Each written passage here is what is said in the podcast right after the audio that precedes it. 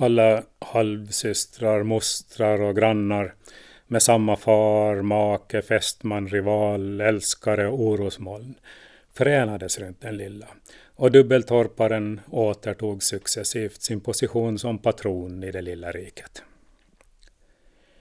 Kvinnornas hårda front för att hålla honom i fack sviktar knappast, men den kom på något sätt att lösas upp och förtunnas. Dubbeltorparen utmanade inte fronten, utan han mera sippra igenom den som vatten med en rännil eller droppe här och där och följsamma omvägar kring starka fästen. Han var oförtröttlig och han ägde förmågan att vara övertygande i sitt tal även då detta bröt mot hans konkreta prestationer. Det var nämligen så med Friman, att han faktiskt menade vad han sa och var beredd att stå för sina ord. Just vid det aktuella tillfället. Sen avlöste förstås tillfällena varandra. Kvinnorna skilde sig sinsemellan till lynnet och var också enligt hans mening var för sig ganska ombytliga i humöret. Ida kunde vara lika het i sin kärlek som hon var i sin vrede och fick för tillfället hanteras varsamt som en gillrad rävsax. I fråga om den unga modern tvangs han nu mobilisera tålamod och mildhet för att investera i framtida gunst. Självfallet frestade på en ung flicka att så tidigt axla moderskapets alla bördor. Han fick väl överse med att både kropp och sinnelag tillfälligt tyngdes.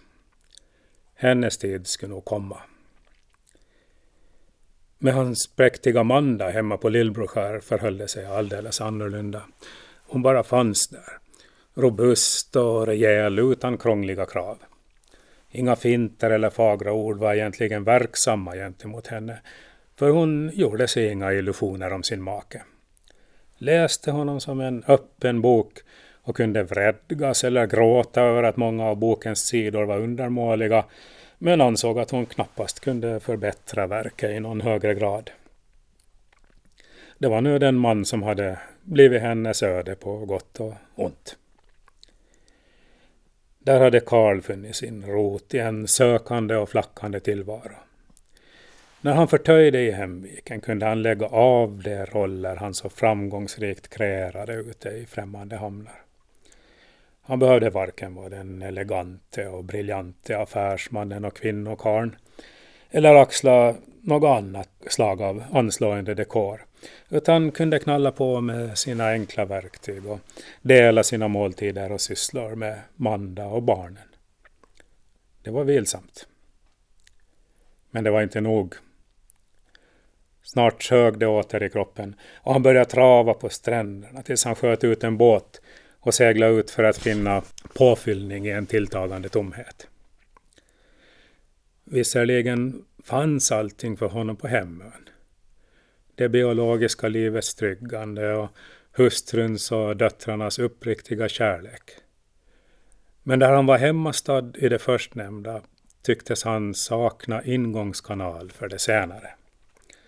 Hans obestämda törst kom alltid igen så att han måste ut till omvärldens ögon och öron och det starkaste elixiret bjöds ur trollbundna kvinnors blickar.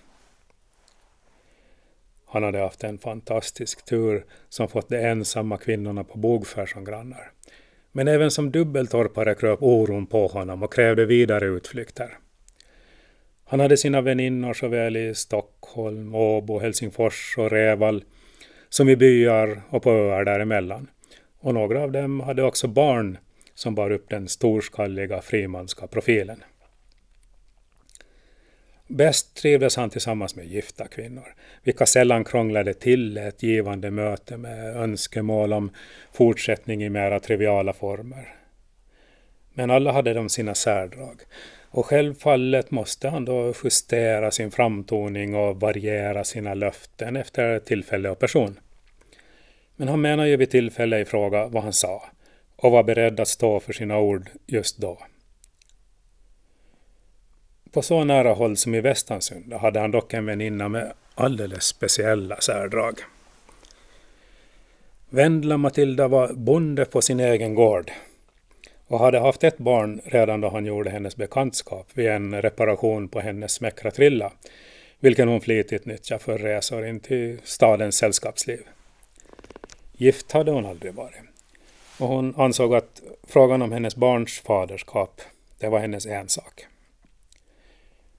Byborna höll henne för kärv och högdragen och sant är väl att hon reserverade sin blomstring till mera belevade kretsar bland småstadens borgare och sommargäster.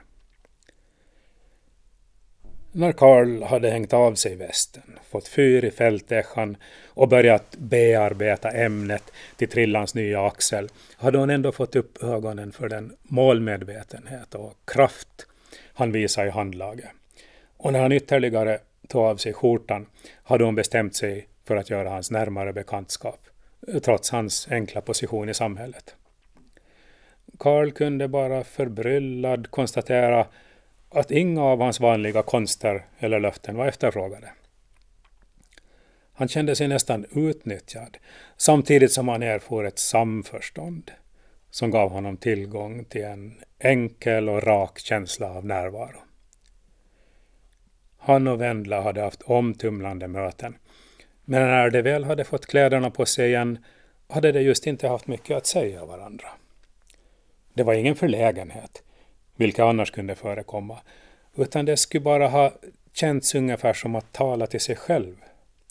De förstod varandra och deras intressegemenskap krävde ytterst få ord.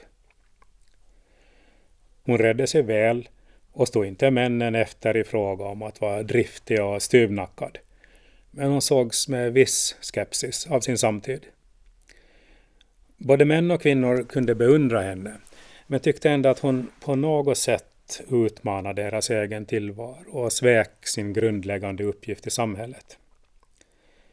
Det var kanske bara Karl Friman som fullt ut uppskattade hennes person, livsföring och den oproblematiska relation hon erbjöd. Hon var en kvinna efter hans sinnelag. Och det var kanske, var och en på sitt sätt, budbärare om tider som skulle följa när den tekniska utvecklingen hunnit bereda livsrum för dem. Under perioden kring Alinas havandeskap, när Frimans stjärna stod som lägst ute på öarna, reste han flitigt runt i olika arbeten och affärer. Men småningom tog han sig således även igenom skyddsvallarna som kvinnorna byggt upp och började återta sin ställning som dubbeltorpare. Alina hade återhämtat sig väl efter påfrestningarna i att bli mor medan hon ännu var barn och sen hade hon god hjälp i att hantera sin situation. Hennes egen mor var ännu i sina bästa år. Halvsystrarna var stora nog att bistå med barnpassning och från grannön försökte man bistå efter bästa förmåga. Snart kunde Alina börja återknyta sina kontakter även utanför öarnas gemenskap. Första gången hon satte sig i äkan och föt ut årorna för att se något annat än bogfärsklippor och träffa någon utanför familjen, det var berusande. Dyningen som rullade in genom sundet, saltstänket från årbladen, dofterna från Hammaruddas ängsmarker och den egna kroppens uppvaknande när den efter enahanda stugsysslor fick ta emot solljus och driva fram en båt mot den lätta brisen. Människor, vänner från en ung och aktiv tid som snart åter skulle berika hennes liv. Hon rodde tillbaka till livet.